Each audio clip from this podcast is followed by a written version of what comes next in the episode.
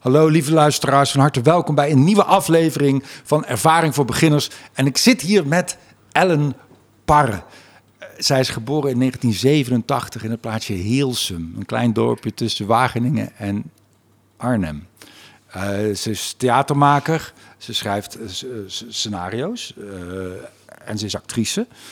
Ehm, van harte welkom. Elle, wat fijn dat je er bent. Dankjewel, Theo. Ik ga eerst alles vertellen wat ik over je weet. Hoef jij dat dadelijk allemaal niemand te vertellen? Ja, en zonder notities zie je. En, Dus dan weten de mensen dat ook. Ja, Nou, je bent geboren in 1987. heel goed. Je hebt twee oudere broers. Ja. Eh, jouw vader is patholoog-anatoom, eh, Rob. Hij komt uit, eh, uit, uit Limburg. En jouw moeder is Amerikaanse. Zij is op 30-jarige leeftijd naar Amerika getrokken, uit, naar Europa getrokken. Daar heeft ze jouw vader getroffen. Ehm, op de middelbare school deed je aan schooltoneel. Je wist niet zo goed wat je moest doen. Toen ben je naar de toneelschool in, in Maastricht gegaan. Daar ben je nog aangenomen ook. Ja. Terwijl je eigenlijk nog niet zoveel shoe gehad. Daar voelde jij je niet helemaal senang. Daar voelde je niet helemaal thuis. Totdat je Peter van den Ede tegenkwam. Dat was een gastdocent. Eh, hij, hij is eh, ook theatermaker van eh, destijds Compagnie de Koe. En hij opende iets bij jou. Je, voelde opeens van, oh, dat kan ook, het kan anders ook. En het kan met humor. En je, hij bevrijdde jou wel een beetje van, van het benauwende van wat daar aan de hand was. Eh, Je had meteen werk naar school. Toen ben je naar eh, De Appel gegaan in Den Haag. Daar heb je eh, Jan-Paul Buis, werkte daar ook als acteur. Jullie raakten bevriend. Hij, is, hij is nu jouw, jouw partner ook. Eh, je hebt daar twee jaar gewerkt. Toen ben je een reis gaan maken naar Argentinië. Toen ben je een reis gaan maken naar Argentinië. Omdat je dingen op een rijtje wilde zetten. En wilde weten hoe het verder moest met je leven. Toen heb je ook een soort nieuwe tien geboden gemaakt voor, voor jezelf. Leefregels. Wees niet bang. Eh, eh, weet ik veel. Daar gaan we het dadelijk nog over hebben. En toen ben je eh, bij Circus, Treurdier heb jij je aangesloten. En je behoort nu tot de artistieke kern. Samen met de al eerder genoemde Jan-Paul Buis. En met Peter van Rooyen, die ik vorige week sprak. En Janne en Ja. die de, de vormgeving doet. Mensen kennen jou misschien als actrice ook van Missie Aarde, van Clem, eh, Jeuk, het, eh, het Gouden Uur. En ook van Treur TV, de tv-serie die jullie hebben gemaakt met Circus Treurdier. Waarvan het tweede seizoen is genomineerd voor een Gouden Kalf voor beste tv-drama. Dit is alles wat ik van je weet. Mooi. En, Ja. en, en bekend van Billy natuurlijk. En bekend van Billy. We hebben samengewerkt. Ik was, jouw, ik was jouw regisseur. Ja. Jij was mijn actrice. Ja. Bij, de film, bij de film Billy, inderdaad. Ehm, ja, wat, ik altijd, wat ik altijd toch heel leuk vind om, om, om eerst even te bespreken ook. Ehm, ik kom ook uit zo'n heel klein dorpje waar niemand iets met toneel gaat doen. Dat was eigenlijk totaal ondenkbaar. Ik, ik heb opgezocht wie er nog meer uit Hilsum kwam. En er Oh. was helemaal niemand. Geen bekende, andere bekende mensen. Ja, volgens mij een of andere korfbalcoach of zo. Oh ja, ja we hebben wel een goed korfbalteam. Ja, ja, er kwam een bekende korfbalcoach vandaan. Oké, bless him. Ja, ehm, nee, ik ben dan misschien de enige, ja. Want hoe was dat? Hoe, hoe kwam jij op die toneelschool terecht? Had je dat ergens gelezen, ergens gehoord? Werd dat jou geadviseerd? Mm, nee, dus ik, Hilsum is een heel klein dorpje inderdaad, maar het ligt wel redelijk dicht bij Wageningen. En Ja. Wageningen en is... daar gebeurt het. Hey, hè? Wageningen, Dat is het hou mekka op. van het Nederlandse het theater. culturele hart van Nederland. Ehm, en in Wageningen, daar zat een middelbare school. En dat was een, is misschien nog, dat weet ik niet, was een, een behoorlijk speciale school. Het was een, ja, hele vrije, eh, kunstzinnige, anarchistische plek. Ik ging ook met mijn leraar op vakantie. En Was dat een openbare school? Was dat een bepaalde methodiek? Nee, openbare school. Ja, gewoon een openbare school. Ja. Ja. En, Met je ehm, leraar op vakantie. Ja, absoluut. Kan niet buiten, meer. buiten schooltijd. Buiten schooltijd. Eindelijk heb ik een keer een koep hier in deze podcast. Ehm, eh, ja, dus ik was bevriend, ben bevriend nog met, met, met leraren van, eh, van mijn school. En ehm, daar was een toneelclub, hè, zoals je dat op veel meer middelbare scholen hebt. En een orkest en een, en een koor en weet ik veel wat. Ehm, maar de algemene sfeer op die school was ook, ja, het was geitenwolle sok meets. eh, je hoeft niet het gebaande pad te volgen Ja. als je dat niet wil. Dus Ja. er was heel veel ruimte om alternatief te zijn. Ja, om alternatief te zijn. En er komen raar genoeg ook best veel mensen uit de culturele sector van die school. Echt waar? Dus dat is toch iets geweest in de Wat mooi. bodem daar. Ja. Ehm, en eh, die toneel... Volkert van de G komt er ook vandaan. wel, hè? Wageningen? Dat wel, ja. Ja. Maar ja, sorry dat ik je onderbreek. Ja, nee, ja, ik weet het. Ja. Ehm, en nou goed, ik zat in die toneelclub en eh, dat ging... Ja, het is een iets minder romantisch verhaal dan je denkt. Ik, Nee, maar dat hoeft ook helemaal niet. Ik vind dat leuk, om- omdat... eh, nee, ga door. Ja, dus dat was dat. Dus ik, ik, ik zat daarbij en misschien voornamelijk omdat mijn oudste broer daar ook bij zat. Dus Ja. ik ging ook maar. Ja, ja. Ehm, en wat een beetje raar is, het was een vanzelfsprekendheid dat ik dat kon. Toneel spelen. Ik had dus ook vaak de hoofdrol. Ja. En wat kon, wat kon je dan al? Eh, Ja. Daar dan gewoon... Was dat die tekst leren of daar staan? Of dat, dat het niet meteen klonk alsof het... eh, Wat was dat dan, wat je al kon? Ja, een, ik snapte het misschien. Ja, Ehm, ik denk dat ik als kind wel een gevoel had voor. eh, ik, ik was geïnteresseerd in hoe mensen zijn eh, in een ruimte, wat verhoudingen zijn in een ruimte, hoe mensen doen. hoe mensen doen, om dat na te doen. Ja. Je, je observeerde. Je, Ja. je had er... En ik misschien veel bewustzijn over. Ja, ja, ik had daar heel veel bewustzijn over. En misschien dat dat. Ik schreef al heel vroeg ook als kind. Ik bedoel, het was allemaal niet briljant, hè? Maar. Dus het, het zat er natuurlijk al in. En daar heb ik niet echt een verklaring voor. Nee. Ik ben de jongste van de drie, dus dan ben je ook een beetje de clown thuis. Ja. Eh, en dat, ja, dat heeft zich vanzelfsprekend voortgezet in dat, in dat clubje. En toen moest ik bedenken wat ik verder met mijn leven wilde. En dat wist ik echt niet, wat jij net al zo mooi hebt verteld. Ehm, en toen ben ik auditie gaan doen voor die toneelscholen. Ook een beetje onder een, ja, ja, het, ja, het klinkt walgelijk misschien omdat mensen het zo graag willen. Maar ik dacht, ja, dat kan ik en ik weet het anders niet. Ja. En toen werd ik aangenomen en dan moet je. En toen kwam jij... En toen je op die school kwam... Want dan kwamen er komen opeens allemaal mensen bij elkaar die het kunnen. Ja, en ook vooral mensen die het veel zekerder wisten dan ik, dat ze het wilden. Ja. Dus ik zat nog in eh, de toneelacademie Maastricht, was in mijn tijd nou, een, school van eh, aanzien Ja, en, eh, heel veel statuur. Ja. ja. en een hele specifieke s- soort stijl die ze daar gaven. En, en heel gedegen spelles kregen we. En eh, daar komen hele goede technische acteurs vandaan. Of ja. kwamen. Ja, En wat, en wat is dat dan, even voor de leek, wat is dan een goede technische acteur? Wat kan die dan? Nou, je hebt iemand zei wel eens, je hebt natte en droge acteurs. dat ken ik niet, wat mooi. Ja. En een natte acteur die, die ehm, eh, speelt van, nou ja, een method kan je het niet noemen, maar die, die komt gewoon op een emotionele onderstroom en die laat zich bijna meevoeren door de tranen die in hem opkomen, ja of niet, ja. wel of niet. En de technische De, de traan of welke andere emotie dan ook. Precies. Ja, ja, En, en die, ja, die gaat erop surfen, om het maar even zo te zeggen, Ja. als het goed is. ja. En de droge acteur, die is technisch. Dus die weet, oké, ik moet iemand... Ik moet nu spelen dat mijn kind... in een Griekse tragedie, op de vuurstapel is gegooid. Hoe ga ik dat technisch zo spelen dat het geloofwaardig is? Die dat gaat het ik, meer bedenken in Ja. zijn hoofd of haar hoofd, ja. Ja. Ben- jij, ben je droog of ben je nat? Ik ben absoluut nat. nee, nee, nee, sorry, droog. Oh, droog, Ja, ja, ja, droog, droog, ja, droog, ja. droog. Ja, jij denkt, jij denkt erover na. Van, Totaal. Was ik maar iets meer nat. ja, Ben jij droog of nat?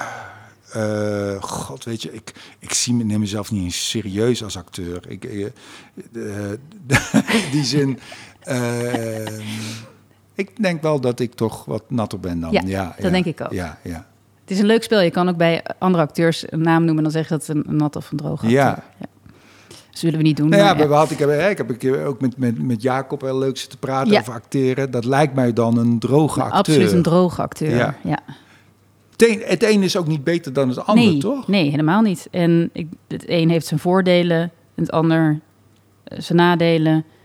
Eh, maar ik ben absoluut een technische acteur en ook heel duidelijk dus met de lessen van Maastricht. En op die school zat een man, René Lobo, die is eh, al een paar jaar overleden. En hij was ja, de guru van die academie. Ja. Dus ik heb uren en uren les gehad van die man. Ik denk drie jaar lang, drie keer per week. En wat was zijn methodiek? Wat was zijn visie op acteren? Het eh, reduceren tot super concreet maken van wat je doet. Ja. Eh, ik had het er laatst toevallig over, wat ook zo idioot was. Als wij een nieuw stuk gingen doen, dan moesten we dus met z'n allen om een tafel zitten. En dan was dat, weet ik veel, eh, een Shakespeare, Henry de nog wat eens. En dan ging hij, dus ik zat in een klas met, met zes mensen, of acht, weet niet meer, zes? Nou ja, zes. Zes, ja. Ja, bedankt. en dan ging hij dat hele stuk in zijn eentje voorlezen. Hè? Ieder personage. Wat raar. Zo raar. Ja. En dan moesten wij daar naar luisteren. En dat duurde dan soms twee dagen, want hij sprak heel traag met een tandstoker in zijn mond altijd.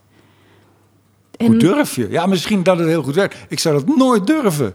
Nee, maar het rare was, die man was niet... Hij wist dat hij een... een ja, hij noemt, zei zelf, ik ben een kutacteur. Dus hij, hij was niet een... Daar ging het hem niet om. Nee. Dus er was iets, ik heb het hem nooit gevraagd... maar ik denk dat hij toch wilde laten horen... hoe het zou moeten klinken of zo. Ik weet het niet precies. Want het was ook niet alsof het briljant klonk als hij deed. Nee. Maar dat, eh, dat, dat was het begin. Daarna ging dat stuk dicht. Dan moesten we die dag daarna, zo noemde hij dat voor de katsenkut, eh dat stuk spelen. En dat betekende dat we het van A tot Z moesten spelen. Maar nog voorlezen, want je kende de tekst nog niet. Nee, nee niet Ja. voorlezen, zonder script. Gewoon gaan. Dus dat dwong je om eigenlijk al te bedenken... Ja, maar je om- kende de tekst dan al. Nee, niet. Dus je wist ongeveer waar het stuk over Ah, ging. Maar ja. dat dwong je om De dramaturgisch... situatie moest de je situatie, improviseren. ja, de tekst improviseren op basis van de situatie die je wel kende. ja. En dat dwingt je natuurlijk dan naar, oké, waar gaat deze scène uiteindelijk over? Ja. Dus wie ben ik, wat kom ik doen? Ehm, Ja. Wat de basisvragen van een scène zijn. En dan eh, gingen we die scènes los repeteren met hem. En eh, ja, die man had een ontzettend opvliegend karakter. Dus die, dan zei je bijvoorbeeld... eh, nee, want ik, ik moet straks naar de kerk. En dan schreeuwde die, nee, waar is die kerk? Waar is die kerk? daar, wijs er dan naar. Dus dan, dus dan moest je die kerk aanwijzen. En ik had op een gegeven moment een scène met iemand... en dan moest ik zeggen, ik hou van u, ik hou van u, ondanks mezelf. En dan zei hij, waar hou je, waar hou je van hem? En dan wist je dat het antwoord was, vanuit, vanuit mijn kut. Dat was het antwoord Ja, wat het eh, moest zijn? Of wat Ja, jij ook... Nee, wa- van hem wat het antwoord was. Hij, hij gebruikt het woord kut erg veel. Ja, En dan moest je, dan stond ik dus met mijn, ja, vanuit je kut of vanuit je kloten, maar dan stond Ja, ik met mijn, met mijn vuisten zo op mijn onderbuik te rammen, terwijl ik zei, ik hou van u, ik hou van u.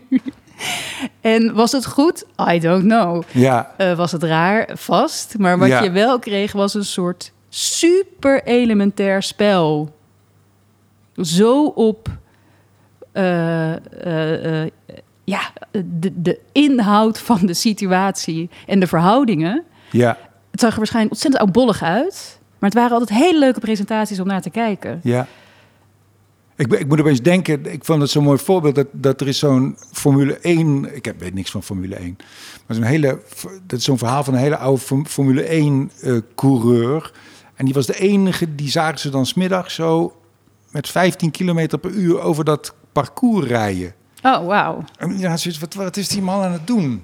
Maar die wilde gewoon de meest langzame snelheid, elk bultje, elk bochtje ervaren, zonder dat hij bezig was met of, die auto op de weg gewoon, die wilde helemaal, helemaal voelen Ja, hoe die weg voelde. ja. Nou ja, misschien is dat het dat wat, die, wat René de acteurs heeft meegegeven. Die matchte met zijn eh, ideologie daarin. En het voelt ook alsof dit helpend zou kunnen zijn. Ik weet ook niet, ik heb er, geen- ik heb er geen mening over of dit, of dit goed of slecht Ja. is. Of, eh, maar het voelt wel alsof het eh, eh, zowel nat als droog is eigenlijk. D- dit. N- Nou, droog. Ja, maar ook als je zo je, op jezelf, op je, op je onderbuik moet slaan, dan, dan is het toch ook. Eh, Dan moet je toch ook, zeg maar, dat wat je voelt, van hoe, waar hou je van, dan moet je dat er ook ergens. nee, maar het is eigenlijk een technische aanwijzing om dat te... Dus, dus hij zegt, sla op je onderbuik, want daar komt liefde vandaan. Of daar Ja. komt verlangen vandaan. Ja, dat is eigenlijk een technische aanwijzing. Ja. Hij zegt niet, eh, van wie heb jij gehouden in je leven? Ja, precies. Ja. Van die en die. Nou, gebruik dat. Dat Ja. zegt hij niet. Nee. En was hij daar ook heel... eh, want het is denk ik ook fijn... Nee, nee, ik weet het eigenlijk niet. het is, soms is het fijn om eerst misschien een methode aangereikt te krijgen... en dan te ontdekken dat er ook andere methodes zijn. Ja.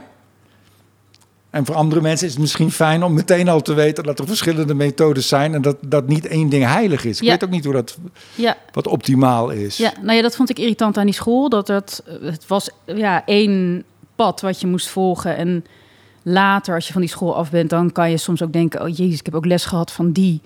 Maar achteraf gezien is dat echt zo totaal geen klik met hoe ik het zie. Mhm. Dus ja, als leerling schrijf je natuurlijk alles op in je boekje. Dat is natuurlijk het geweldige van een Dat- leraar zijn. Dat had ik moeten doen. ja. Eh, je, die kunnen van alles zeggen en vooral over zoiets vaags als acteren. ja. Dus ja, je kan de grootste onzin tegen zo'n klas zeggen en die zitten dat allemaal in zo'n dummy op te pennen. Ja. Ehm, maar omdat ik dus al vanaf het begin dacht, wil ik dit vak wel, wil ik hier wel zijn, had ik er iets meer afstand van en vond ik soms het ook maar een beetje. Ja, ik vond sommige leraren al, dacht ja, je lult. Ja. Eh, en bij René had ik niet je lult, maar ik had wel. Ik had niet de obsessie van ik wil dat hij mij de allerbeste acteur vindt. En dat vond hij ook niet. Hij vond, ik heb ook wel eens een rapporten teruggelezen. Ja, kan maar niet zo goed. Eh, maar wij moesten af en toe bij hem ook wat maken. En dat vond hij wel altijd goed. Ja. En daar was ik dan misschien wel blijer mee. Ik weet van een vriend van mij, die mij regisseert. Die heeft ook in Maastricht gezeten. En die heeft ook wel eens verteld over die lessen van René Lebo. En dan moest hij zich een, een, moest hij een me- mes voorstellen wat in de lucht hing. Een denkbeeldig mes. Ja, En dan, ken je de oefening? En dan moest hij dat mes pakken. Dus hij pakte zo dat mes zoals je een mes zou pakken. Nee, nee, nee, nee. Dat was niet goed.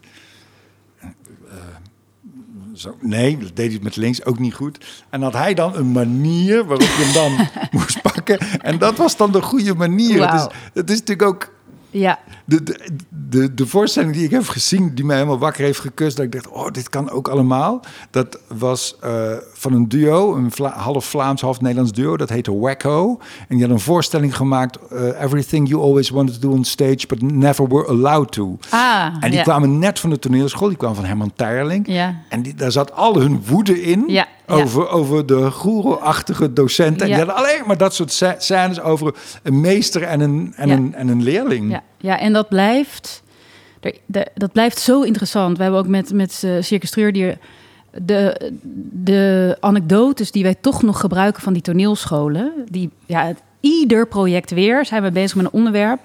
En dan zegt toch iemand... Ja, dat is eigenlijk hetzelfde als eh, die en die op de toneelschool. En dan komt er een anekdote uit een les. Omdat je...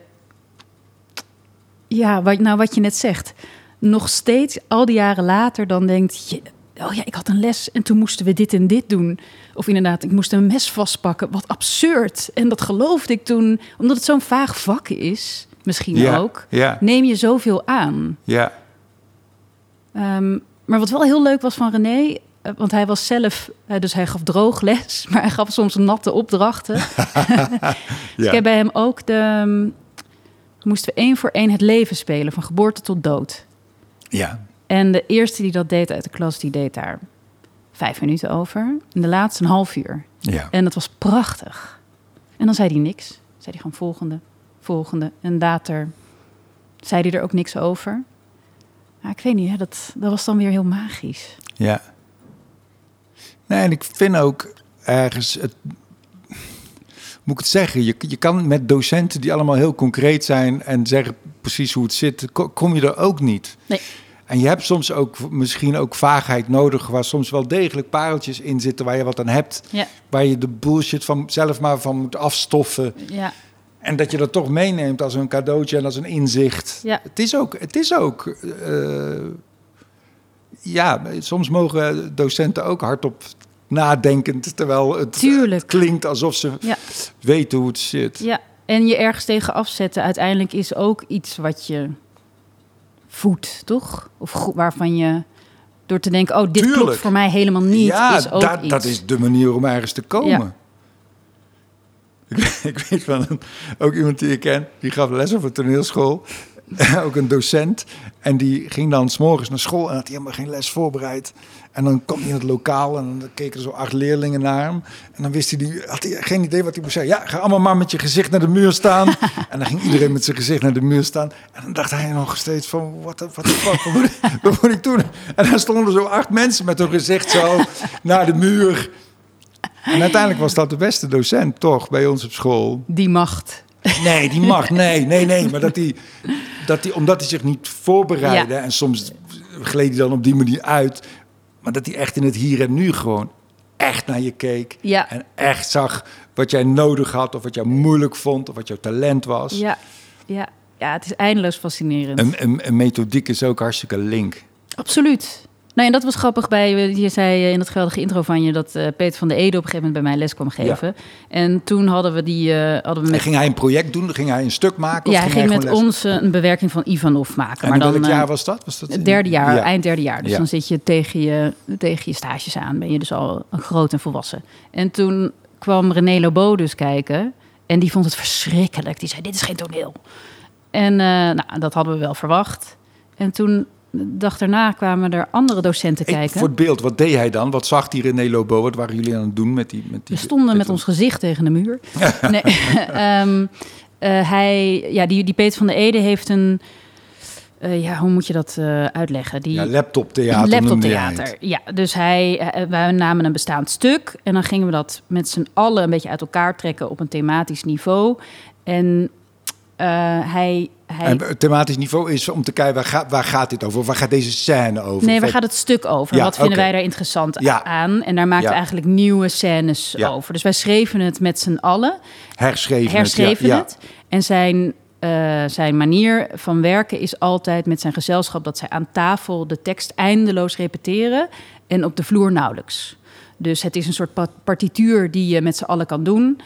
En waar je precies staat... De choreografie is... Dat is- maakt niet ja, uit. Dat nee. is ondergeschikt. Ja. Omdat het al ontstaan is vanuit... De eh, inhoud bepaalt de vorm. ja. En daarin is het publiek een grote eh, medespeler in het spel. Dus het is allemaal op de zaal gericht. Geen vierde wand. Geef ja. je de wand. Het hier en nu speelt heel erg mee. Eh, eh, je wordt er in en uit getrokken in de illusie en dan weer uitgetrokken. Nou, eigenlijk het tegenovergestelde van een Griekse tragedie, kan je, ook zou veel, je ja, kunnen zeggen. Soms komen ze op het laatste nog met een kratje bier op en dan gaan ze biertjes uitdelen. Heb ik ook vaak meegemaakt Oh, ja? bij Kopje de Koe, ja. Oh, ja. dat heb ik nooit meegemaakt. Ja. Ehm, en, eh, en met veel eh, humor en, nou ja, en heel veel... René Lebo zei altijd, je mag nooit ehm, leunen op één been met je handen in je zak. Dat was bijvoorbeeld iets technisch. Wij moesten altijd staan. De, de, Joep- het Joep van het hekje. Het Joep van het. Hekje was verboden. Ja, Precies, ja. het Joep, Joep van het Hekje. En Peter van der Ede heeft... Ja, dat is allemaal heel lossig. En denk je, hè, zijn ze nou aan het acteren? Zijn ze al begonnen? Of ho- hoort dit erbij, ja of nee? Dat, daar spelen ze altijd een beetje mee. Dus die René Lebo vond het eh, ja, niet goed. En de volgende dag kwamen er andere docenten kijken. En die kwamen bij ons in de kleedkamer dat die het fantastisch vonden. En toen stond René weer in de, in de deuropening toch mee te luisteren. Omdat hij niet begreep dat die docenten dat ook allemaal goed vonden. Dus ja, hij dacht, wat gebeurt hier nou? Ja. Waarom snap ik dit niet? Een kleine revolutie. Ja. Ja, voor, ja, voor mij wel, ja. Ja. Ja, ik vond het ook wel sympathiek. Hij is, dat, dat hij zich zo liet kennen daarin. Dat hij dus weer mee stond te luisteren. Ja. Ehm, ja, dus echt grappig hè. Dan kwam er dus een, een manier van toneelspelen, de toneelschool in... waar hij het niet mee eens was. Een leerproces is in zijn algemeenheid ook interessant. Hè? Of een ontwikkelingsproces. Dat, dat af en toe zeker weten hoort daar ook bij. Anders kom je ook nergens, toch? Bedoel, Absoluut, ja. En dan weer ook weer gaan twijfelen en luisteren van... Oh, oh, wacht even. Ja. Oh. En dan weer bijstellen en dan toch ook weer... Een, het moet ook een, een bepaalde kant op of zo. Dus je, Ja. je moet toch ook je ideeën vormen over eh, Ja, toneel... of over een stuk of over... over, over, over ja. ja, en het is misschien ook modegevoelig daarin, toch? Dat Eh, ja, ja, ja. iets raakt uit de tijd of zelfs een manier van spelen is ouderwets of Nou, we hadden van tevoren even over, over die clichés ook. Dat je op een gegeven moment acht voorstellingen achter elkaar ziet in de kleine zaal. Dat Ja. de acteurs al op het podium staan en je gedag zeggen. En dat, de eerste keer dat je dat ziet, denk je van, hè, wat? Ze hebben geen op, ze staan er al. En de tweede keer denk je, oh ja, ja leuk. En op een gegeven moment gaat, bij mij gaat dat op een gegeven moment dan ook wel irriteren. Ja, ja, ik ja, denk, jullie eh, staan er al, Ja, ja. Ja, en, eh, en, en misschien zelfs als je nu zou zien hoe wij een, een, een René Lebo-presentatie zouden doen... zou je misschien zeggen, oh, wat, wat is dat een lichtelijk oudbollig gespeeld? Dat weet ik niet. ja. Misschien is dat al de manier van praten op het toneel... is ook al veranderd. ja. Eh, Ehm, toen ging je naar de, wat is een vier, vierjarige opleiding, is Ja. het hè? Toen had jij, meteen, had jij meteen werk toen jij van school afkwam? ja, ik ging dus eh, naar de Weilen toneelgroep De Appel in Den Haag. En waren die dan komen, had jij gesolliciteerd of komen die dan scouten? Hoe gaat dat dan? We hadden, ik had een, ou- of een eh, zij deden een, een, een, een eh, hoe heet het? Een, een samenwerking met Zuid-Afrika. Oh ja, dan kom je al snel bij jou ik. nee, ik snap het al. Precies. En, eh, en er mochten heel veel toneelschoolstudenten aan meedoen. En toen mochten een paar daarvan ook nog bij de appel blijven daarna. Dat was Ja, eigenlijk een beetje. Ja. Eh, ja, en daar heb ik toen ja, twee, drie jaar gezeten. En wat krijg je dan in, in concreet? Hoe krijg je dan echt een jaarcontract? Of kom je er Ja, dan vast ja. bij? Hoe werkt dat? Hoe ja, ik werkt dat kreeg dan? een jaarcontract twee keer, denk ik. Ja, Ja, dat bestaat nu dus ook nauwelijks meer. Nee. Ik had een vast contract bij een toneelgezelschap. ja. Dat is ook, dat is ook. Acteurs hebben gemiddeld super weinig geld, hè? Ja, Er zijn een paar acteurs die natuurlijk ook met films en reclames en, en dingetjes inspreken heel veel verdienen. ja, Maar ik geloof dat het gemiddelde salaris echt, dat is onder het minimumloon is Ja, dat. Dat, is, ja. dat realiseren mensen zich misschien niet altijd. Dat als je voor het grote geld wil gaan, dat het misschien niet zo'n goede beroepskeuze is. ja, volgens mij, ik las dat een, een kunstenaar gemiddeld, dus ik weet niet of wat daaronder valt, volgens mij beeldend ook, maar per jaar 19.000 euro. Echt schrikbarend laag. En het zelfmoordpercentage ook heel hoog. Heel maar misschien hoog, waren ze al een beetje depressief. Ja. Dat kan ook, hè? Ja, Dat het helemaal niks met het vak te maken nou, heeft. of juist. Toen kwam je, want was dat vrij, bij, bij, bij de Appel, was dat nog vrij eh, kla- klassiek wat daar gebeurde? Of was Ja. dat meer eh, René of al meneer, meer Peter van de Eder? Oh, nee, veel meer René. Ja. Ja, ja god, eh, dat, dat was heel, heel leuk, maar ik, ik, eh, paste, of ik paste helemaal niet in die vorm vastacteur. Maar had jij toen een idee, want ik vind jou, ik vind jou een geweldige actrice en, en ook ik heb al een aantal dingen gezien die jij ook geschreven hebt. En eh, je hebt enorm veel talent, vind ik. Maar vo- voel, eh, en ik hoop dat je niet al te vals bescheiden bent en dat je dat ook al zelf een beetje hebt ontdekt en durft toe te geven. Maar toen had je enige sjoegen van wie jij was als maker, wat je, wat je zelf, wat je kon. Of, of was je maar een beetje aan het proberen te voldoen. Eh, eh, ik denk dus eh, dat laatste. Ja, Ja, dus oh, een vast contract, dat moet je dan doen. En ik, ik was daar gewoon heel erg ongelukkig. En ik voelde me een. eh, ehm, omdat de voor mij niet paste. Dus het voelde als een kantoorbaan. ja. En ik vond heel vaak wat ik moest spelen niet, niet goed en niet leuk. En ehm, ik was ook een zoekende twintiger hoor. Dus. eh, ja, die lijkt me heel normaal. oh ja? Om een zoekende twintiger te zijn, toch? Dat je het dan niet allemaal weet. Oh ja? Ik had het idee dat mensen het heel erg wisten. In Ja, maar die- dat denk je van andere mensen Ja, van vaak, andere volgens mensen. mij. Ik weet niet. Nee, dus dat was er nog helemaal niet. En ik ben pas bij Circus Treurdier gekomen, jaren daarna. Of, Ja, En toen kwam ik veel meer in wat ik eigenlijk moet doen. Namelijk eh, ook eh, zelf maken. en was dat, daar komen we zo, hè, voor alle duidelijk. Maar was dat moeilijk om, om daar, want het is ook wel een dappere keuze dan, om daar weg te gaan, ook bij de Appel. Ja, ja, maar ik dacht als dit het is, dan wil ik een ander vak doen. Ja, heb je dat ook serieus overwogen? Eh, nog, ja, god, ik had een studentenkamer, dus ik kon ook weg en dan een beetje baantjes doen. En ik dacht nog niet, oké, ik open mijn laptop en ik kijk naar nieuwe Ja. studies. Dus ik weet niet of ik, misschien dat mijn gut feeling ook wel zei, het komt wel goed in dit vak als ik nu stop. Ja, Maar ik wist vooral zeker, ik, ik moet hier niet blijven. ja. Ben je toen die reis gaan maken? Toen ben ik die reis gaan maken. Die odyssee, die alles Ja, veranderende erg. reis. Die reis komt tijd terug. Omdat ik het in drie interviews heb genoemd of zo. Maar jezus.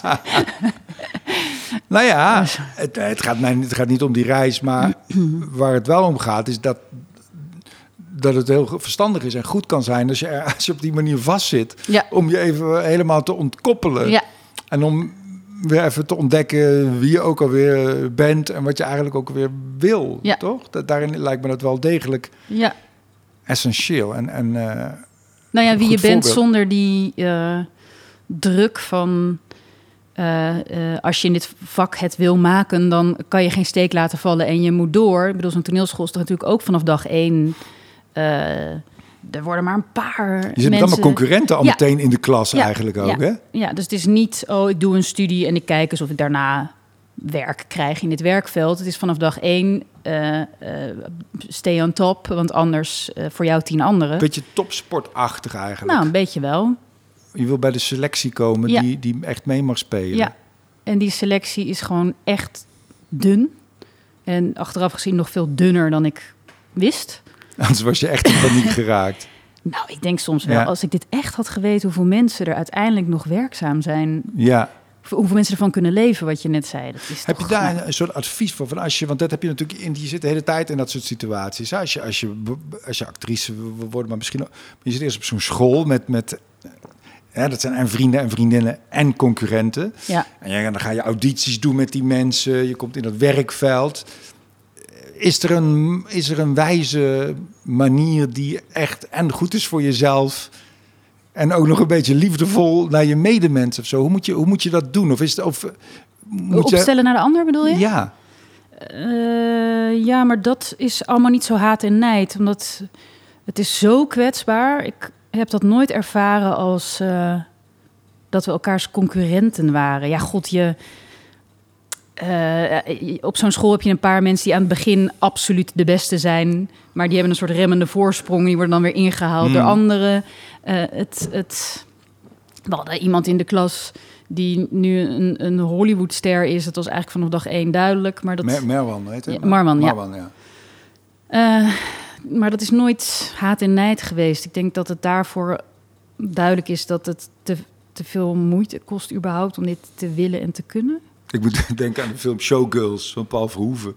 Waarin dat natuurlijk tot insta extreem is. Eh, dan wordt echt een concurrent echt van een trap afgeduwd. Oh ja? Maar dat zijn natuurlijk eh, eh, Hollywood clichés. Ja. Ik vind het ook, dat is mijn ervaring ook. Als ik, dat het over het algemeen heel erg gezellig en leuk is, wel onderling, toch? Met acteurs en met. Ja, en eigenlijk hoe, hoe verder je komt in die dunne spoeling die het heeft gehaald, hoe minder concurrentie er is. ja, want je bent ook een heel specifiek iemand en dat is iedereen. Ja, Je bent niet zomaar inwisselbaar Nee. ook voor. eh, nee. Nou ja, nog steeds waarschijnlijk, maar... Ah, je je- bent dan misschien een slecht voorbeeld. Heel, heel, heel inwisselbaar. ja. Eh, Oké, je, je, je, on, je ontplugde je. Die reis. je ging, ik hoef niet te weten. Nee, maar dat ontplug is goed. Dat Ja, is, dat ontpluggen is heel goed. Dat is goed. Om, Ja. om, ehm. En ook dapper ook, want je weet niet wat er komen gaat. Nee. Ik bedoel, we weten nu dat, dat, je, dat je daarna bij Circus Treurdrie komt. En dat is natuurlijk het moeilijke van... Daarom zijn sommige keuzes dapper, omdat Ja. je ze toch doet. Ja. En misschien had je geen keuze, omdat je... Omdat, maar Nee, maar het was misschien ook daar. Ja, het, het was ook een dappere keuze. Ja. Dat eh, klopt. En, eh, en ik denk dat, eh, nou, om maar even iets over die reis nog te zeggen, wat fijn daar daar. begin je er zelf over, hè? Die geweldige reis. Ehm, Want je bent toen een magier tegengekomen. ja, onderweg. en die heeft mij een drankje gegeven. Eh, eh, het, ik weet nog wel. Even denken, hoe kan ik dit... Nou, ik ben een hele zoekende puber geweest. En iemand die niet per se het leven aanging met een soort... oh, eh, ik heb er alle vertrouwen in en ik heb hier zin in. En op die reis in Argentinië... vond ik dus het... ik ben alleen op de wereld, niemand weet nu waar ik ben. Eh, en ik heb met deze vreemden nu een leuke avond. En zij vinden mij leuk. Eh, los van alles thuis. Dat Mhm. gaf een soort reset gevoel. Van oké, eh, dit is dus de basis. Ja, Ehm, en daardoor juist weer vertrouwen. ja. Je, je zei het heel twijfelachtig, maar, Ja. ik, snap, ja, maar ik Ja. snap heel goed wat je bedoelt. Ja, En en, eh, ja, misschien moest ik losbreken van eh, hoe het zou moeten ook even. ja. Dat is grappig, hè? Dat is ook een paradox. Dat je, en zeker omdat jij een maker, een theatermaker bent geworden, dan gaat het juist om, uiteraard, om die originaliteit en jouw specifiek perspectief. En, de- Mhm. en, de- en dat, dat je eerst eventjes een mal ingaat, omdat je ook allerlei dingen moet leren Ja, die niet zoveel met specifiek te maken hebben, Ja. maar juist met vakmanschap, ja, vakvrouwschap. ja. Ehm, maar daar moet je ook inderdaad weer aan ontworstelen. Dat, heb, dat heb je gedaan. Dat is te gek. ja. Daar kan je ook in blijven, blijven hangen. Ik denk wel eens mensen te zien. ook. Ik denk, man, vol- volgens mij ben je eigenlijk stiekem hartstikke goed. Maar die zitten ook in een soort ke- keurslijf van, van dat iemand anders dan maar zegt wat er gedaan moet worden. En ik weet niet of het dan daddy issues zijn of wat dan ook. Dat je een regisseur of een goer of iemand nodig hebt die boven jou staat en zegt wat je moet doen. Terwijl het gaat ook zo ten koste van je eigen kracht. Ik vind het altijd heel moeilijk. Ik geloof niet zo in de hiërarchie. Ik vind het lastig. Om, eh, Ja, ik ook. Ik heb ook een autoriteitsprobleem daarin. Heel want, erg. want jij kwam bij Circus Treurdier. Jullie hebben een... een eh, wacht, we gaan er even uit voor de, voor de reclame. Want ik wil graag... Er is nooit reclame in deze podcast. Maar ik wil graag dat mensen naar circustreurdier.nl gaan. Naar de website. Ja, En daar zullen ze zien dat vanaf 31 januari... de voorstelling Ba speelt. Ja. Overal in Nederland. Eh, veel in Amsterdam, maar ook in, in Os en in Tilburg en in Almelo en Limburg, Brabant. overal. Ja. En ga in Groningen ga kijken. Het is, het is, het is, en ik meen het oprecht, het is een van de mooiste dingen op toneel die ik heb gezien de afgelopen jaren. Nou, dat is. Echt, hij is super grappig en eh, dramatisch en, en eh, ja, hij is, hij is fantastisch. Ga, ga kijken naar die voorstelling. Kijk Leuk. op www.circustreurdier.nl. Zeg ik het goed? nee, je zegt het goed. Ja, mensen, Circus Trudy hoor ik vaak, of Treur Ja, niet. ja. Maar, ja. Oké. Eh, werd je gevraagd voor Circus Treurdier? Of wa- was het omdat je een relatie had met Jan-Paul Buijs? Ik had Heb je- geen- nee, ik had je geen relatie. naar binnen geneukt daar? Nee. Nee. ik heb me niet naar binnen geneukt. Niet omhoog geneukt. Ja, Eh, ik was gewoon bevriend met Jan-Paul. Ehm, eh, nou, bij de Appel had ik dus dat Zuid-Afrika-project. ja. En toen zat ik in een voorstelling geregisseerd door Wanny de Wijn. Ehm, en dat was bijvoorbeeld ook zo'n project waar... eh, daar, dat was puur... We, we waren een... ehm, we speelden een toneelclubje. eh, nep dus. ja. Ehm, want we waren een toneelclub, maar we speelden Ja. ook. En met een eh, hele arrogante regisseur. En ik was een van de actrices. En die was te dom om te begrijpen wat er eigenlijk überhaupt gebeurde. En dat was pure comedy. ja. En ik vond dat heel leuk om te doen. En Ja. ik had een enorme klik met Wanny, die ook mij heel erg de ruimte gaf van... Ja. oké, jij, jij bent een comedienne, je, je Ja. moet. En daar zijn toen... ehm, eh, dat hebben Thomas en eh, Thomas Spijkerman, die het Trudy heeft opgericht... en Jan-Paul naar wezen kijken. En er was nog een jongen die wat van mij had gezien. En toen, dus zij hebben gezegd... Ellen is misschien wel een treurdier. Ja, Ja. mooie zin ook. Ja. Ja. Ehm, dus ik, eh, het bestond sinds 2008 of 2009 en ik heb in 2000, 2008. oh, 2008 goed, zo goed gelezen Theo. Eh, in 2011 of 12 ben ik, eh 11. 11 ben ik een keer mee, mee gaan doen. En jij kwam, want jij zit... En was je, werd je toen meteen ook maker, ook officieel? Dat Ja. moet ook heel fijn geweest zijn. Wa- Was het spannend? Of Heel spannend, want ik Ja. was ook fan van ze. Oh ja. En maar nooit met het idee dat ik erbij zou horen, omdat zij zijn natuurlijk heel Als erg alsof PSV aan mij vraagt, Theo, kun jij een Oh, wedstrijdje kan je mee voetballen? ja, nou precies dat. En ehm, eh, omdat zij kwamen allemaal uit van de Kleinkunstacademie, dus dat ook, zit heel veel muziek, ook bij uh, Treurdier. Ja, het En- is muzikaal, humoristisch, filosofisch Ja, theater. precies. Muziektheater. Muziektheater. Ja. En ik kwam van eh, het droge toneel. Ja, Ehm, dus ik heb nooit gedacht, oh, daar, dat, daar hoor ik bij. Eh, en ik deed als eerste mee, we hebben jarenlang het Eeuwige Nachtcafé gedaan. En dat was eigenlijk, we zitten nu in Toemler, zo'n soort setting. En dan, eh, dus het was een café met de hele tijd, ja, hele weirde acts en liedjes en sketches. hm. Eh, en dat, beetje variété-achtig. ja, maar dan absurder. Hm. Dus ja, variété is iets te veel showy. Een soort absurde persiflage op variété. Nou, misschien wel. Ja. En het vloog alle kanten op. En er, en er zaten, er zaten ook filosofische teksten in, maar wel altijd met humor. En de muziek was soms nog een beetje, weet je, dan deden we een koffer van iets. eh, wel leuk, maar. ehm, en, en dat was een grote groep mensen. Dus iedereen deed. eh, dus Peter, die had dan deed zijn Peter. eh, Peter Verrooyen. Peter ja. van Rooyen, zijn Peter trucje. Of trucje. Een, Ja, dat klinkt wel heel barinerend. zijn Hij Peter toonde zijn talent. Hij, eh, Peter toonde zijn talent. Zijn geweldige talent. Ja, Ehm, nee, Peter deed dan meer een stand-up tekst. Eh, eh, Jan-Paul die schreef een sketch. Ehm, Jan-Paul heeft op een gegeven moment het personage Frederik Kaak. Ja. dat hebben we helemaal uitgebuit in Treur TV. En Ja. daar hebben we nog een toneelvoorstelling over gemaakt. En dat is ooit begonnen. Een hele in- narcistische... pri- Ja, wat is hij? Een soort wannabe... Wannabe, hele, hele ijdele, flapdrollige eh, televisiepresentator. Ja. Vreselijke man. Gladjanus. Ja. Gladjanus, ja. Verschrikkelijk, ja. En dat is ooit begonnen in dat eeuwige nachtcafé met een, eh, een, een, een ja, hadden volgens mij een, een interview van Klaus Kinski op YouTube letterlijk overgeschreven. En dat was zo bizar. Ja, die man was gek. Die was zo gek. Ja. En dat was bijvoorbeeld ook een scènetje in dat nachtcafé. Ja. En dat is toen uitgegroeid als Frederik Kaak. Eh, en ik had dan ook een tekst geschreven die ik dan achter mijn microfoontje deed. Maar ik deed ook, ja, wat ik nu minder durf helaas, maar ik deed veel typetjes. ja, maar je moet het ook niet zo noemen. Dan wordt het, ook, dan wordt het heel ongemakkelijk. Ja, maar ja, dat was het toch wel een beetje.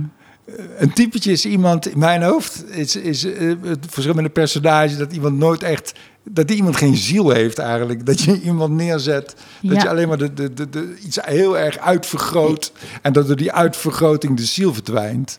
Oh ja, maar ik vind juist, als het, als het wel een ziel heeft, is het een geslaagd typetje. Nee, dan, is, vind, ik het, dan vind ik het een komisch personage. Oké, dan deed ik komische personages. Ja, nou, ja. Ik deed geen typje. Maar Ik- waarom durf je dat niet meer? Ja, dat is een goede vraag. Ik, eh, ik hoop dat ik dat op een gegeven moment... Ja, ik word gewoon steeds banger om toneel te spelen. Ja. Ja. En waar ben je bang voor? Ben je bang voor het oordeel van anderen? Of waar ben je bang voor? Ik ben zo kritisch op wat ik doe... eh, dat ik heel erg last heb van... ehm, zo, eh, nou, Sascha Bult... Sorry, ik maak deze zin zo af. Ja. Sascha Bulthuis, dat was een actrice bij de Appel. Die was heel erg goed. Fantastisch. Ze speelde mijn moeder in TBS. Oh ja, Ik heb natuurlijk. haar, eh, ja, Ja. ik heb haar doodgeschoten. Ja, dat klinkt ja. raar, want zij Ja, is echt overleden. is ook dood. Ja, ja, maar zij was inderdaad een geweldige actrice. Ja. En die zei, toneelspelen is opkomen, proberen te boeien... en dan zo snel mogelijk maken dat je wegkomt. Ja, En ik heb dat iets te letterlijk geïntegreerd, geloof ik. ja. Dus ik denk heel snel, ik, ver, ik, het is niet meer interessant, ik mot dit podium weer af. ja. Ehm, dus, en dat, ik heb er een bewustzijn over, dus ik probeer het ook tegen te gaan. Maar dat kan soms de overhand nemen. Dat is kloten. Ja, het is heel kloten, ja. Het is ook, ik vind het ook ingewikkeld. Waarom ik comedian ben geworden, is denk ik ook omdat ik wel graag op dat podium sta. Maar doordat er een hoorbare lach is, ik hoor dat het oké is dat ik daar sta. Ja. Want het is ook nogal wat. Ja, om daar te gaan staan. En Ja, hey, iedereen houdt zijn mond en jullie kijken nu en luisteren allemaal even naar mij. Ik wil- nu krijg ik alle aandacht. ja, En, en toch, het zou mooi zijn als je... Ja, je kan ook de verkeerde kant op schieten. Dat je te zelfverzekerd wordt en dat je denkt dat elke scheet van jou lekker ruikt. Maar het, zou, eh, het is wel goed dat je dat... Daar moet je wel wat aan doen, Elle. Het is goed dat je dat in ieder geval al door hebt. Maar Ja. dat is wel dat is gevaarlijk. ja. En bij Treurdier heb ik het minder, omdat ik dan zo goed weet welk verhaal ik wil en moet vertellen. Hmm. En dan weet ik dus zekerder wat daarvoor nodig is qua eh, Dosering eigenlijk. dosering. Ja. Ja, En dan nog ben ik van Treurdier degene die toch denkt, hup, sneller wegwezen. Eh, Ja, maar ja, want het is ook. Want het is mooi van dat Sascha dat zei, maar het is ook. Je, je, kan ook iets anders bedenken. Bedoel, het is ook fijn om gul te zijn. Ja. Mensen vinden het heerlijk. Ja. Het is natuurlijk zo dat, dat iedereen heeft zijn eigen talent. Ik, ik, kan, ik kan absoluut niet stukken. En een stukken door die bij mij in de zaal zit, die vindt het heerlijk als ik los ga. Want dat kan hij niet. Hij- Precies, ja. hè, of dat zijn mensen die op kantoor werken en die kunnen dat heel goed. ja, Dus het is ook je talent dat je juist wel gaat. Ja. En dat je het wel doet. En dat je wel wat veel, veel geeft. ja, maar daar ben ik het helemaal mee eens. Eh, dus misschien, ja, het zit in. Hou eens op dan. Ja, Oké, die- ik hou ermee op. Laten we het er ook niet te lang over hebben. Nou, ik vind het wel... het- ja, het is een, een, eh, een dreigende impotentie die... eh, Ja, ik denk dat de kern is dat ik moet accepteren dat het niet altijd een tien hoeft te zijn. Ehm, nou, sterker nog, als ik je mag eh, onderbreken... ja hoor. Ik denk dat het stom is om, om, om jezelf cijfers toe te kennen. Ja, maar bij wijze van, hè? Nee, ja, maar je gebruikt het toch maar als, als, als beeld. Ja, maar ja, dat zei mijn therapeut. Ja, dan ga ik die therapeut voor jou ook eens uitnodigen hier. Ik, eh, ik, heb, ik zat met Daniel Arends te kletsen. Die, dat vind ik ook een hele goede maker. En, die zei, en het ging eigenlijk ook over van, van dat je geen... Dat kwetsbaarheid ook is om geen oordeel te hebben over je, over je gevoelens. Mhm. Maar misschien ook wel om geen, niet al te veel oordeel te hebben op wat je staat te doen. En zeker niet als je het staat te doen. Ja. En later misschien eens te denken van, hmm, wat heb ik dan nou gedaan? Maar die overgave, ook die emotie. En jij bent natuurlijk een droge speelster, maar misschien moet er inderdaad toch meer nat bij dan.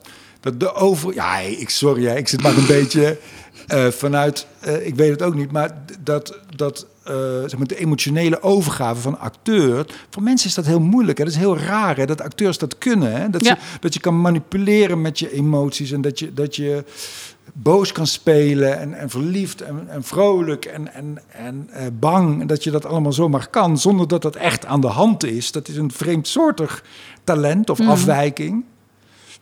En dat je dat kan, ja, ja ik, ik weet ook niet waar ik heen zit te kletsen, maar dat, dat ja, die vrijheid, dat moet je wel, dat moet je wel, die ruimte zeg maar, die moet je ook wel bevechten ook. Dus Ja. is goed- sorry dat ik je Nee, maar het is een, ik ben het ook helemaal met je eens. Dus ik zou het ook eh, anders willen voelen. Ik, misschien groei ik er ook weer overheen hoor. Dat zou ook kunnen. Just a silly face, ja. En misschien is het ook een.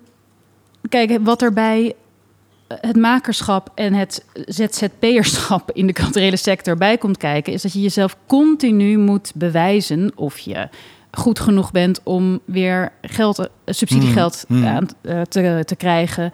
Eh, als wij een voorstelling maken en eh, het is eh, eh, twee sterren, dan hebben we toch een probleem met de zaalbezetting en dus de eindrekening.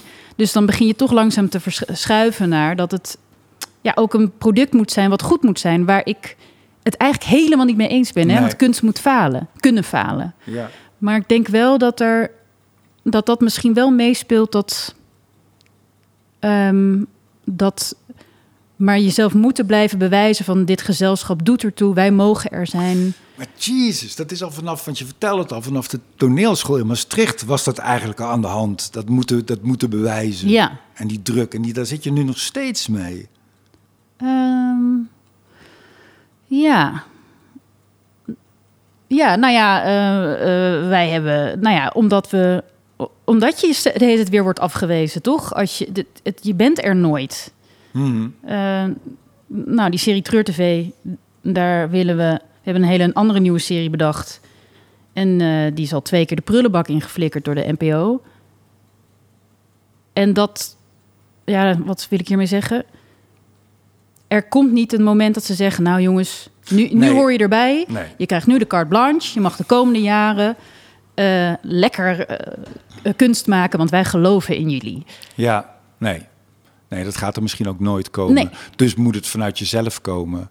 Die bevestiging Ja. en die ontspanning. Van, nee, ik, ik, ik- ja. Ja, het is ook, ik vind het ook, ik heb, ik heb met, je, met je te doen en ik vind het ook schitterend dat je het hebt. Tot er zijn ook zoveel, dat is zo erg, dat als je dan, dan heb je het over de NPO en op tv, en je hoeft de tv maar aan te zetten, en je ziet allemaal mensen de hele tijd die zichzelf die vraag niet stellen. Is het eigenlijk wel, Ja. is het eigenlijk wel goed genoeg? Ja, ja, En is het wel eigenlijk de moeite waard? Ja. Moet ik niet te lang opzouten? Dit, Ja. dit, ik, ik, ze, ze hebben wel eens langs, ik kijk wel eens mee met mijn kinderen en dan zie je alleen maar, Ja, maar dat alleen is- maar mensen die zichzelf die vraag niet stellen. Nee, En die krijgen alle ruimte. Ja, dat is, eh, dat is Dus misschien kun je nog wat leren. Ja, maar misschien kun je nog wat leren van die mensen. van die mensen. Nou ja, dat is, dat is het leuke aan dat personage Frederik Kaak waar we het net over hadden. Dat is eigenlijk dit commentaar in, in een iemand. eh, ingebed. Dus een, eh, iemand die totaal geen gevoel heeft voor misschien... Situatie. Ja, misschien moet ik van dat podium af. Heeft jou, wat ik altijd heb als ik aan het try-outen ben, hè, dan, dan, dan eh, je hebt eerst een fase, dan ben ik eigenlijk voornamelijk schrijver. En helemaal op het laatst, als het af is geschreven, word ik een soort artiest en speler. En dan ben Mhm. ik ook, dan hoef ik daar maar niet mee bezig te zijn. Maar in die tussenfase heb je ook wel een soort fa- een fase dat je, dat je, dan sta ik er op het podium, maar dan staat die schrijver er ook nog steeds bij. Die Ja. denkt van, oh nee, waar moet ik nou heen? Of oh nee, dit klopt niet heeft, waar we het net over hadden, hè, waarbij jij vertelt van ik durf eigenlijk steeds minder te, te spelen, heeft dat te maken ook met de maker? Met die schrijver die jij, die jij, die jij ook bent. Zit die schrijver de, de, de speler in de weg? Ehm, ja, misschien, maar dan misschien juist niet bij mijn eigen projecten. Ja. Dus als ik in iemands anders project sta, dat ik dan dat ik steeds kritischer word. Maar bij, bij, bij Treurdier bijvoorbeeld, wat ik dan zelf schrijf... of ik heb eh, een, ooit een jeugdvoorstelling zelf geschreven zonder Treurdier... daar heb ik het... Nee, dan zit de schrijver me niet in de weg. Maar dat komt misschien... Bij jou is het nog in ontwikkeling als je een try-out hebt. Hè? Ja, bij, ja, ja. bij toneel is het af. Af, ja. ja. Ehm, ik vind het juist fijner dat ik weet wat ik moet spelen omdat ik het geschreven heb. ja. Terwijl als het een stuk is van een onbekend iemand, dan moet je eigenlijk is de zoektocht, hè, wat staat er nou eigenlijk? Dus dat is, nee dan, nee, dan helpt het juist mee. Hoe werk jij? Hoe schrijf jij? Hoe, wat, wat zijn de omstandigheden waaronder jij floreert of het best kan werken en je kan concentreren? Doe je dat thuis achter een je ja, bed? Ja, eh, eh, ja, thu- ja, thuis achter de laptop. Ehm, eh, ik stel, ehm, wat volgens mij schrijvers eigen is, ontzettend veel uitstelgedrag. Echt, Ja. ik, Daar ben je heel goed in, hè? Heel goed. Ik maak liever de play schoon dan dat ik begin. Ehm, als ik er eenmaal in zit, dan, dan is het verslavend. Maar vooral het beginnen, waar ongetwijfeld faalangst bij zit, dat vind ik moeilijk. Eh, ja, nee, ik, ja, ik, ik heb daar niet een. eh, ik zit achter de computer. Maar thuis, je gaat niet in een café Nee, zitten. niet in een café. Nou ja, Dat ik- doen sommige mensen ook. Nou, houd toch op. Dat vind ik zo'n onzin. Dat kan niet. Met van die oortjes in en dan in Nee, de, koffiecompagnie. Die mensen dan- zitten allemaal op Facebook te kijken. Kom op zeg. Dat kan niet. En hoe, hoe werken jullie aan een voorstelling? Want er is een, een eh, driemanschap nou ja, en, en, en een En vormgever. ja. Hoe, hoe, hoe, hoe, begin, hoe begint iets bij Ehm, jullie? het begint eigenlijk met een, een, een ja, suf rondje. Vinger in de lucht. Wat, wat, wat, wat speelt er in de wereld en bij onszelf? Hebben jullie een werkruimte dan? Of waar, Ja, we hebben een kantoortje. Ja, Dus wij zitten in een, in een, in een oud ehm, eh, internaat. Het is een heel mooi gebouw in, in Amsterdam. Hebben wij een soort ja, jongenskamer. eh, eh, met wat posters aan de muur en een tafel. En dan gaan we een beetje briefjes plakken. met z'n viertjes zijn met- jullie dan. ja, dan zijn we met z'n Ja. vieren. En dan gaan we een beetje brainstormen. Waar willen we het over hebben? En eigenlijk, nou, bijvoorbeeld bij de voorstelling Ba, waar jij het over had, begon het idee. Ehm, wat, wat moet je, hoe moet je als mens overleven in een wereld waar iedereen eh, eh, eh, een grote bek lijkt te hebben en zijn mening klaar heeft? Ja, En, en deze lente gaan we bijvoorbeeld aan een nieuwe voorstelling schrijven, die dan iets meer uit mijn koker, koker komt. Ehm, wat moet je als je je zo schuldig voelt over alles? En wat heb je überhaupt aan een schuldgevoel? ja. Dus dan begint het bijvoorbeeld met dat ik Laten we zeg... over die ba de- Ja. even, even praten. Ja. De, de, de vraag is van wat moet je in een wereld waarin iedereen een grote eh, bek heeft? Op Ja. een wordt dat eh, Ja, de dat- vraag die dominant wordt of die blijft hangen, waarvan je denkt, ja, dat is, Ja, daar wat- gaan we mee door. hoe, ja, hoe moet je als bescheiden mens in deze wereld leven? Ja, Dan is de eerste... Dan zijn de eerste gesprekken eigenlijk... Wat is daar de tegenkant van? Mhm. Dus wij willen eigenlijk altijd eh, eh, iets ontmantelen. Dus, maar wat is bescheidenheid dan eigenlijk? ja, Is bescheiden zijn niet een enorme vorm van ijdelheid? Als je zegt ik ben bescheiden, is dat niet al iets ijdels? en onbescheiden, ja. Ja, en ja. daardoor onbescheiden, ja. En zijn de mensen die een grote bek hebben niet eind- uiteindelijk de mensen die de wereld gaan redden, eh, die het voor, voor elkaar krijgen? ja. Dus dan Dus, komen we... dus eigenlijk eh, eh, wil je ook niet een voor, voor de hand liggend antwoord geven en Nee. wil je daar niet een te, een te moralistisch oordeel over vellen, Nee. over, een grote bek of over bescheidenheid. Dan Ja. ga je, je gaat eigenlijk spelen met die in je hoofd en met elkaar, Ja, met die materie. ja, en dan wil je e- eigenlijk die twee... Dan moet, dan moet je op zoek naar een theatrale vorm. Ja, Eh, want je kan niet een. Dus we wisten bijvoorbeeld bij Ba al, oké, we willen dat het over één persoon, een bescheiden mens gaat, tegenover een grote groep blaters. mogen we het begin verraden? Van, Ja, hoor, zeker. Het beginbeeld. Ja, Het beginbeeld staat Jan-Paul Buis als boom. Een soort achtergrondboom bij een toneelstukje. Middelbare schooltoneel. schooltoneel, En het toneelstuk is denkbeeldig, speelt zich af aan de andere kant van het podium. Dus de acteurs spelen met de ruggen naar het daadwerkelijk publiek. En, en wij kijken naar de boom, die alleen maar boom mag zijn. En naar ons kijkt en zijn frustratie met ons deelt. ja, dat, dat is, en, en droomt over later. ja, En wat hij dan wel niet allemaal zal betekenen in de wereld. ja. Dus hij is letterlijk. een Dat is de theatrale vorm eigenlijk. Dat die, het, die, ja. die hadden jullie dan snel te pakken? Of is dat, is dat ook een worsteling om daar te komen? Nee, dat is een worsteling. Dus we hadden dus die, die visioenen die hij heeft, die hadden we eigenlijk eerder. En toen heeft volgens mij Jan Paul op een dag gezegd: volgens mij moet het een boom in een toneelstuk zijn. Ja, Ehm, en ook zo'n goed. Het is ook een soort van cliché. het is een ook. cliché Ja, en hij is letterlijk een achtergrondfiguur. ja, ja. Ehm, en wat En figuurlijk, ja, Ja. fantastisch. En ja. we hebben een rivaal voor hem bedacht. En dat is Peter van Rooyen. ja, Eh, geweldig. Een Johnny. superheldenfilm, gewoon. Ja. En Johnny heeft een grote bek. Maar bij, dus bij Johnny kan je zeggen, hij heeft een grote bek. Maar hij, is wel, hij zegt wel gewoon waar het op staat. Dus hij heeft op een gegeven moment... eh, biedt hij zijn excuses aan die, aan die boom, aan Guido heet die boom... aan voor zijn pestgedrag. ja. Maar echt oprecht. Gewoon, ja, het spijt me, sorry. Dus eh, op een manier dat je denkt, ja, moet je ook maar kunnen. ja. Ehm, en, en daarnaast is het een vreselijk figuur hoor. Die, dus we maken de blater dus ook belachelijk. En Guido, de, Gespeeld door Peter van Rooyen. Ja. ja en geweldig. Guido, de boom dus. Daar heb je aan het begin best wel veel sympathie voor. Ehm, omdat je denkt, jezus, wat heftig dat je inderdaad in zo'n...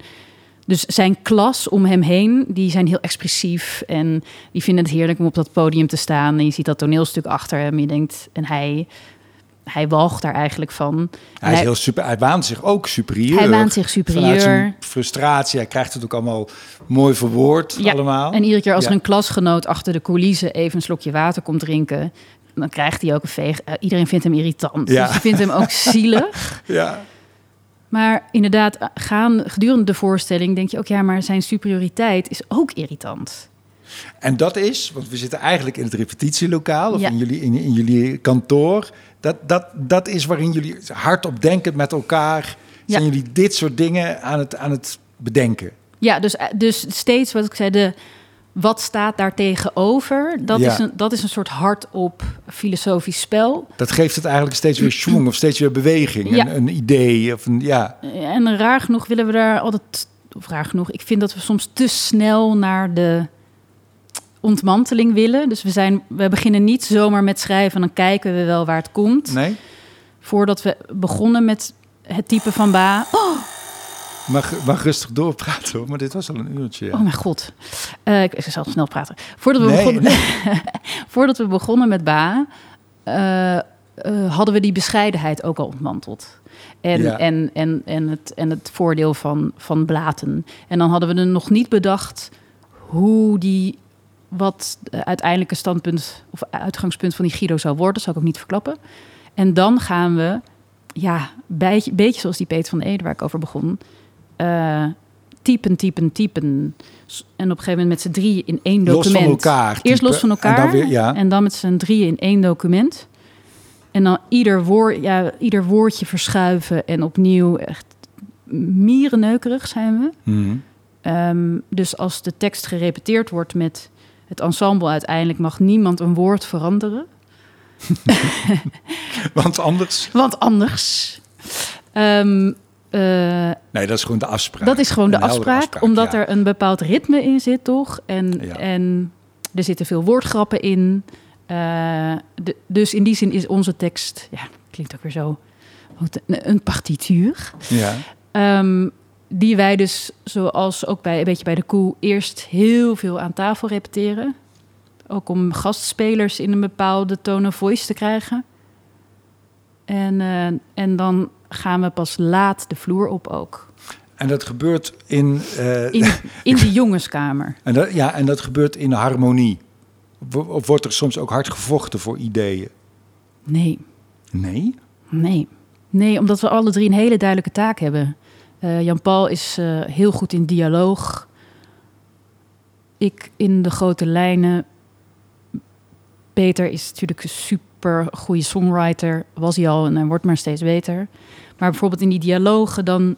Ja, we zitten dus met z'n drie op één zo'n zin. En dan moet er een grap komen en dan ja, zegt die een, eh, een optie, optie. En op een gegeven moment zegt iemand iets en dan moeten we alle drie keihard lachen. En dat wordt, dat, en dat wordt hem dan. Leuk hoor. Ik ben ook een beetje jaloers op. Leuk om zo samen te werken ook. Het klinkt wel heel goed. Ja, maar het is ook ambtenarig hoor. Wij komen binnen en die laptops gaan open en dat, ja, 12 uur lunch, broodrammeltje open. ja eigenlijk wel. Dus het, we, we zijn niet een, een theatergroep die eh, tot vier uur 's ochtends in de kroeg zitten met elkaar.